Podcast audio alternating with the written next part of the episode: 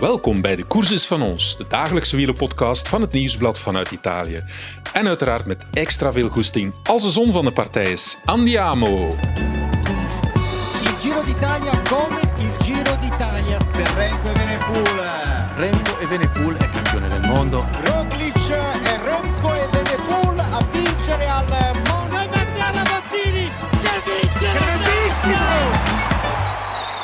De etappe met start en aankomst in Napels was lastiger dan je zou denken. Dat kwam door de warmte, de hoge snelheid en de meer dan 2500 hoogtemeters onderweg. Verschillen tussen de klassementsmannen werden er niet gemaakt en de mannen van Trek die wisten de vluchters De Marchi en Clark net te grijpen en Mets Pedersen die won zijn eerste. Na regen komt zonneschijn en de zon die was volop van de partij in Napels. En er stond ook weer zon in de ogen van Remco Evenepoel en eigenlijk alle mensen bij Soudal Quickstep. Want de gevolgen van de dubbele valpartij een dag eerder die waren blijkbaar beperkt gebleven. Remco die had goed geslapen en op het startpodium toonde hij dat alles oké was door te jongleren met een bal van Napoli, net landskampioen geworden in Italië. Ja, en dat is natuurlijk scoren bij de Napolitanen. Ploegdokter Toon Kruid die klonk een dag eerder nog bezorgd in zijn videoboodschap, maar bij de start ging het er weer zonniger aan toe. Toon Kruid, ja, de dokter van Soudal Quickstep. Je hebt eh, behoorlijk wat werk gehad gisteren. Je hebt ook een videoboodschap ingesproken, waarvoor dank. Maar kan je nog eens vertellen, ja, in mensentaal, hoe is het met Remco vanmorgen vooral? Hoe is hij opgestaan? Vanmorgen is hij goed opgestaan. Een goede nachtrust gehad. Met, eh, heeft eh, tien uur geslapen. Wel, eh, Mooi. Ja, maar met een beetje hulp Ja. van bovenuit. Ja. Eh, maar anders, eh, ja, nee, de, de contracturen in zijn rug waren veel minder. Het was gisteren na de kine en de osteopathiebehandeling was het al veel beter. En vanmorgen was het niet terug naar af. Het was goed gebleven. We gaan zien op de fiets, maar ik heb hem zien vertrekken hier. Ik ook, ik zag er niets aan. Ja, ik vond dat redelijk goed. Maar ja, we gaan zien. We gaan niet, want het vel van de beer nog niet verkopen. Is het een geluk bij een ongeluk? De regen, de renners schuiven meer. Ik zie veel minder open schaafwonden, want dat Ja, vraagt dat veel van het lichaam, hè, Nadine? Het is zeker een geluk. Hij heeft, hij heeft wonden, maar het is inderdaad beperkt doordat hij zoveel kledij aan had ook. En, en inderdaad doordat het nat, nat lag, dat ze meer glijden. eh, het is meer gewoon wel, van die eerste keer dat tegen de borduur, maar, maar dat, dat valt al bij al nog mee. Ik zie hier toch een beetje een dokter die min of meer opgelucht is. Als je die laatste val vooral zag aan 60 per uur, dat dat slechter kunnen aflopen. hè. Ja, ja, het kon gerust einde verhaal geweest zijn ook. Hè. En, eh, hij was helemaal in paniek ook, omdat ja, hij weet wat dat is. Zijn heilig been en, en, en zijn, eh, zijn heup. eh, het eerste moment dacht hij dat een breuk ging zijn, maar dat was vlug duidelijk dat er eh, geen sprake van was. Eh, Zou, zou het wat voordeel kunnen zijn? Hij, is, hij loopt ook af en toe, hij komt ook uit dat voetbal. Hij heeft ook een, een iets eh, steviger eh, gabarit. Ik zeg maar iets, ja, die, die echte hele lichte klimmertjes, dat, die, dat die sneller breken, zou dat een verschil kunnen maken? Dat is ze- ah ja, zeker zo. Maar jaarlijks controleren we ook met een DEXA-scan de, de, de botdensiteit. En bij Remco is dat goed. Maar we, we hebben nog eh, renners gehad die echt met osteoporose zaten. Zoals eh menopausale vrouwen. Die, eh, maar dat is dan meer door extreem diëten en onvoldoende gevarieerde voeding. Die, plus die niet veel, niet veel doen thuis, die niet veel anders doen. bij een hyperkineet ga je dat minder vlug hebben. Is hij een hyperkineet? Heb ik dat gezegd? Goed. Bedankt in elk geval en ik hoop weinig werk vooral. Hè. Remco Evenepoel werd de avond van zijn val liefst anderhalf uur behandeld. En de man die dat deed was Anthony Pauwels. Dat is de broer eh, van ex-renner en assistent-bondscoach Serge Pauwels. Hij is osteopaat. Collega Jan-Pieter de Vlieger ging met hem praten. En Jan-Pieter die was trouwens jarig. Gelukkige verjaardag, JP.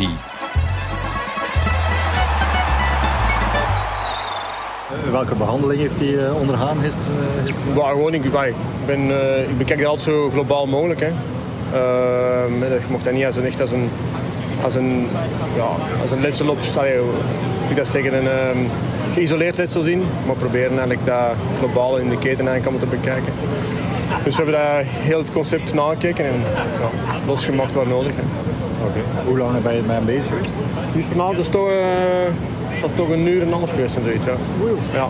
Dus er zit een stuk massage ook nog bij, maar in nu, nu een half en dan net voor het slapen gaan heb ik nooit even eigenlijk al het effect al eens bekeken. En dan uh, was al was al hersteld. Dus. Hey, hoe maakt een bekken los? Kun je dat uh, uitleggen? Ja, dus manipulatief werk is dat.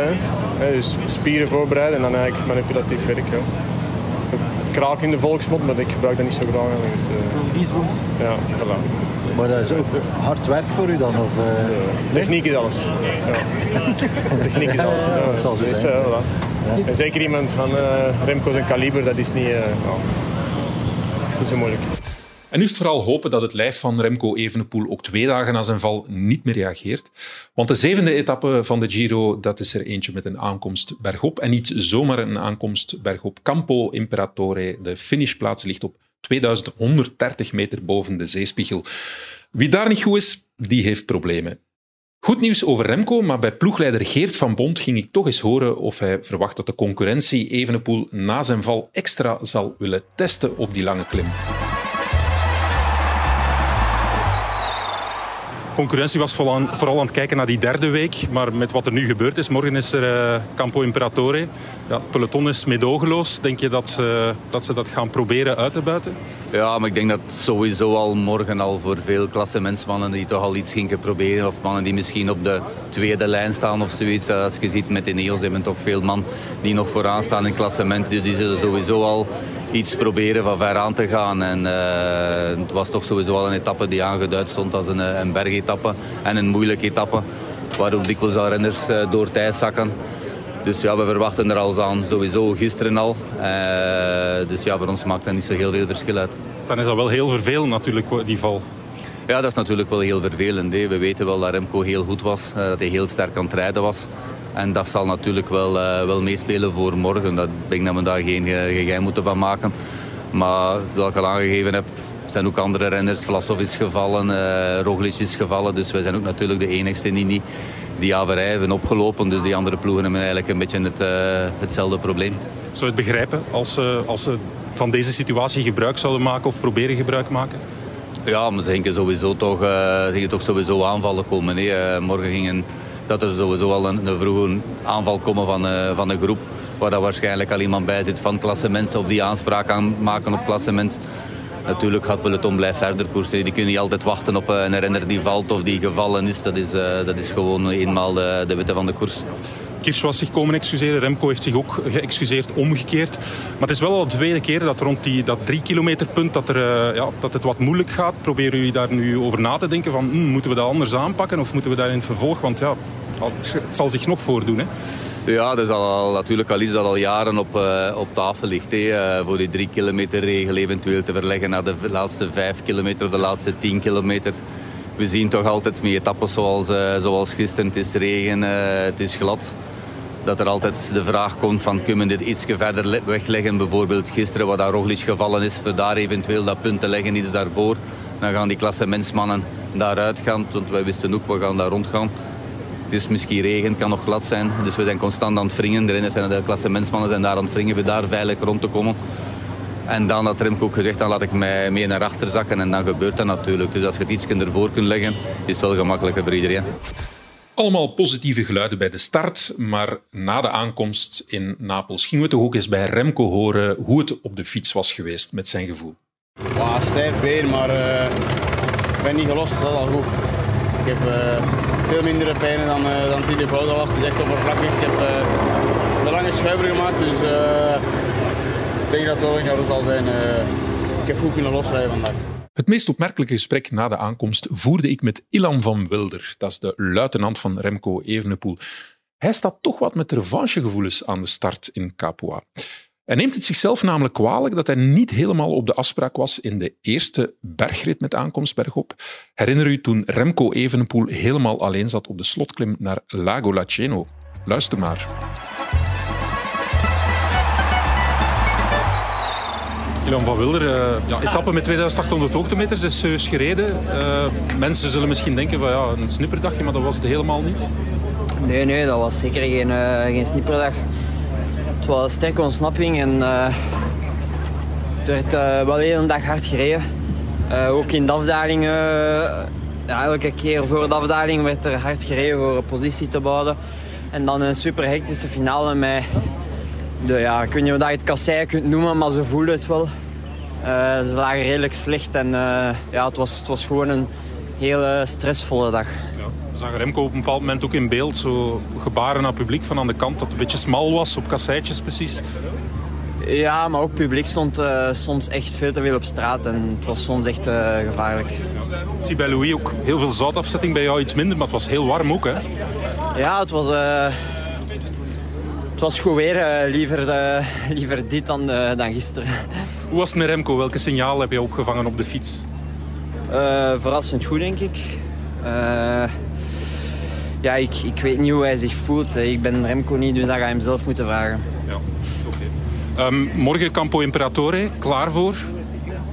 Ja, zeker. Uh, persoonlijk heb ik nog iets goed te maken, want uh, de eerste bergrit uh, was ik ehm, niet zo goed. Een beetje minder gevoel, maar nu zit ik, ben ik er weer helemaal door en heb ik er vertrouwen in dat, dat ik mijn goede benen ga kunnen tonen. Zit je daar een beetje mee, zo van... Ja... Want op zich denk, was het niet erg, hè? Nee, het was niet erg. Het was ook niet de belangrijkste rit. Uh, er is ook niets gebeurd in de finale, maar... Ja, we hebben ook de start moeten controleren en ze hebben twee uur en al vol gekoest en dat zien de mensen natuurlijk niet. En uh, ook iets te weinig eten, dus dan betaalt je dat cash in, uh, in de finale. Dus het kan alleen maar beter en ik, ik heb er vertrouwen van dat de ploeg goed zal zijn morgen. Ja. Verwacht je veel vuurwerk van de andere ploegen? Want iedereen spreekt over de derde week, maar bon, het is morgen ook een serieuze aankomst bergop. Hè? Ja, inderdaad. En er is ook nog die tijdrit. Dus uh, verwacht wel uh, wat verschillen na de eerste rustdag. Een etappe met start en aankomst in Napels was voor mij een mooie gelegenheid om een gewaardeerde collega uit de perszaal achter mijn microfoon te halen.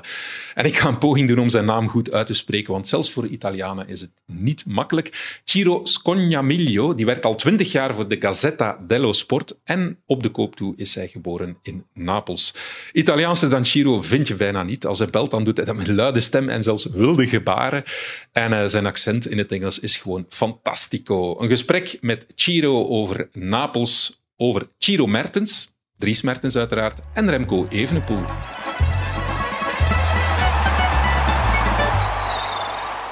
You were born in Naples. We are now in the city of Naples. If I was an extraterrestrial, explain to me what is Naples? Uh, uh, but uh, yes, no, because normally if I, I have to explain to an extraterrestrial, I assume that it should remain with me more or less for one month because it's not easy. Uh, but um, in few words, uh, I can say that uh, really Naples is a really emotional city. You know, it's really a city in which you you can almost touch passions. You do you know what I mean? Certainly, for example, we are here, and uh, uh, one week uh, ago, Naples won for the third time in its history the Italian title of football, and uh, the city has the signs of this title, but these signs as flags uh, in every corner, pictures of the players, and this is going to remain I don't know for how many months. So yeah. this means uh, touch the passions. It's really emotional. Yeah. There was a Belgian player playing here. Uh, you even got a nickname, eh? Your, your, name, Ciro, Ciro Mertens. How popular is he still in Naples? Uh, uh, a lot. Uh, you have to imagine that uh, is uh, the player in the history of Naples who scored the most number of goals. Yeah. If I'm not wrong, 148. So more than Maradona, more than Amsic, more than everyone. Certainly at the same times, Mertens left Naples at the end of uh, last season, and this. Uh, year Naples won the title without him. But what a pity. Yes, but at the same time, um, also the previous years uh, has been really important uh, uh, to give Naples the, consist- the consistency that bring Naples to win this year title. So a little pieces of this year titles is always uh, belongs also to Ciro Mertens, and so the fact that uh, his nickname in Naples is not longer Dries, his name, but Ciro. His son is even named Ciro. Yeah, I know, and uh, I mean this means that uh, he can be really considered a son of Naples. Yeah. He will never have to pay for pizza when he comes here. Oh, no, I don't think so. The problem is that if uh, Napolitans recognize him while he's eating a pizza in a restaurant, I think that uh, he, he has no time to do anything. So maybe he should put uh, a big cap, uh, you know, a barb. Otherwise, yes, mustache. Otherwise, going to be complicated. yeah. I had this beautiful magazine uh, from the Gazzetto dello Sport with Remco Evenepoel on the cover. It was a big story that you wrote. I tried to understand a little bit Italian, and there was a lot of details in it. Um, how is uh, Remco Evenepoel, the new Belgian star, perceived now in, in Italy? Is he popular? How is your impression about him? Uh, for us and for the Italian public of uh, cycling, is really the big star of this Giro, definitely, uh, because uh, um, the last time that uh, a current world champion uh, won the Giro has been 14 year, 40 years ago, 1983, Giuseppe Saronni. He won uh, the in, two, in 1982 in Goodwood. And uh, so this is historical. So Remco can uh, make history. Obviously, the last Belgium, you know, has been Johan de Muink 45 years ago. But um, I mm, maybe can I tell when I met Remco for the first time? I was uh, very impressed because um, I saw him for the first time at the World Championship in Innsbruck, um, 20.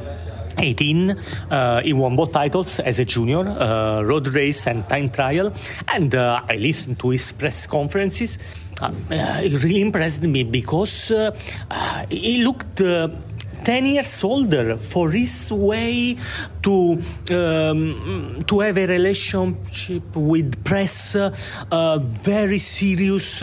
He uh, more or less he always knew what uh, he had to say and also he thought before answering not to give the first answer that uh, came to his mind. So he really impressed me. And so, no, mm, for us, it's a star. It's really a great star, yeah. great guy, great rider. Yeah. So it would be good uh, if he wins the Giro for your stories. It would be a good, good thing. Certainly the best thing. We know as Italians that we haven't an Italian rider capable to win the Giro. Uh, I'm sorry, Giro. uh, the, Vincenzo Nibali retired at the end of last year. has been for uh, more than a decade really the star of Italian cycling. He won all three Grand Tours, four Grand Tours, and uh, a lot of other things. And so, so, so far, um, Italians, okay, we can win stage in the Giro. Why not? Maybe a top 10 with Caruso, but we haven't the star for the GC. So, uh, okay, there are other big contenders as Roglic and uh, Geraint Thomas, Theo Gegenhardt. But I think that all the Italians more or less hope uh, that Remco can win in Rome, yes. Uh, Remco, and uh, I see to talk to you again. Why not uh, during this Giro, and why not after uh, stage 21 in Rome? De volgende etappe dat is al de zevende in deze Giro en die gaat van Capua naar Campo Imperatore. Je zal ook de naam Gran Sasso d'Italia zien opduiken. Dat is eigenlijk de naam van de berg, van de hele slotklim. Want het is uh, ja, toch meer dan 30 kilometer klimmen. En Campo Imperatore, dat is de plaats waar ze aankomen. Ik geloof dat het een klein skigebied is en dat ligt boven de 2000 meter hoogte. Vooral de laatste 4,5 kilometer, die zijn stijl. 8,2 procent gemiddeld met pieken van 13 procent. Vuurwerk dus. Tot na de etappe. Tot de volgende koers is van ons. Ciao!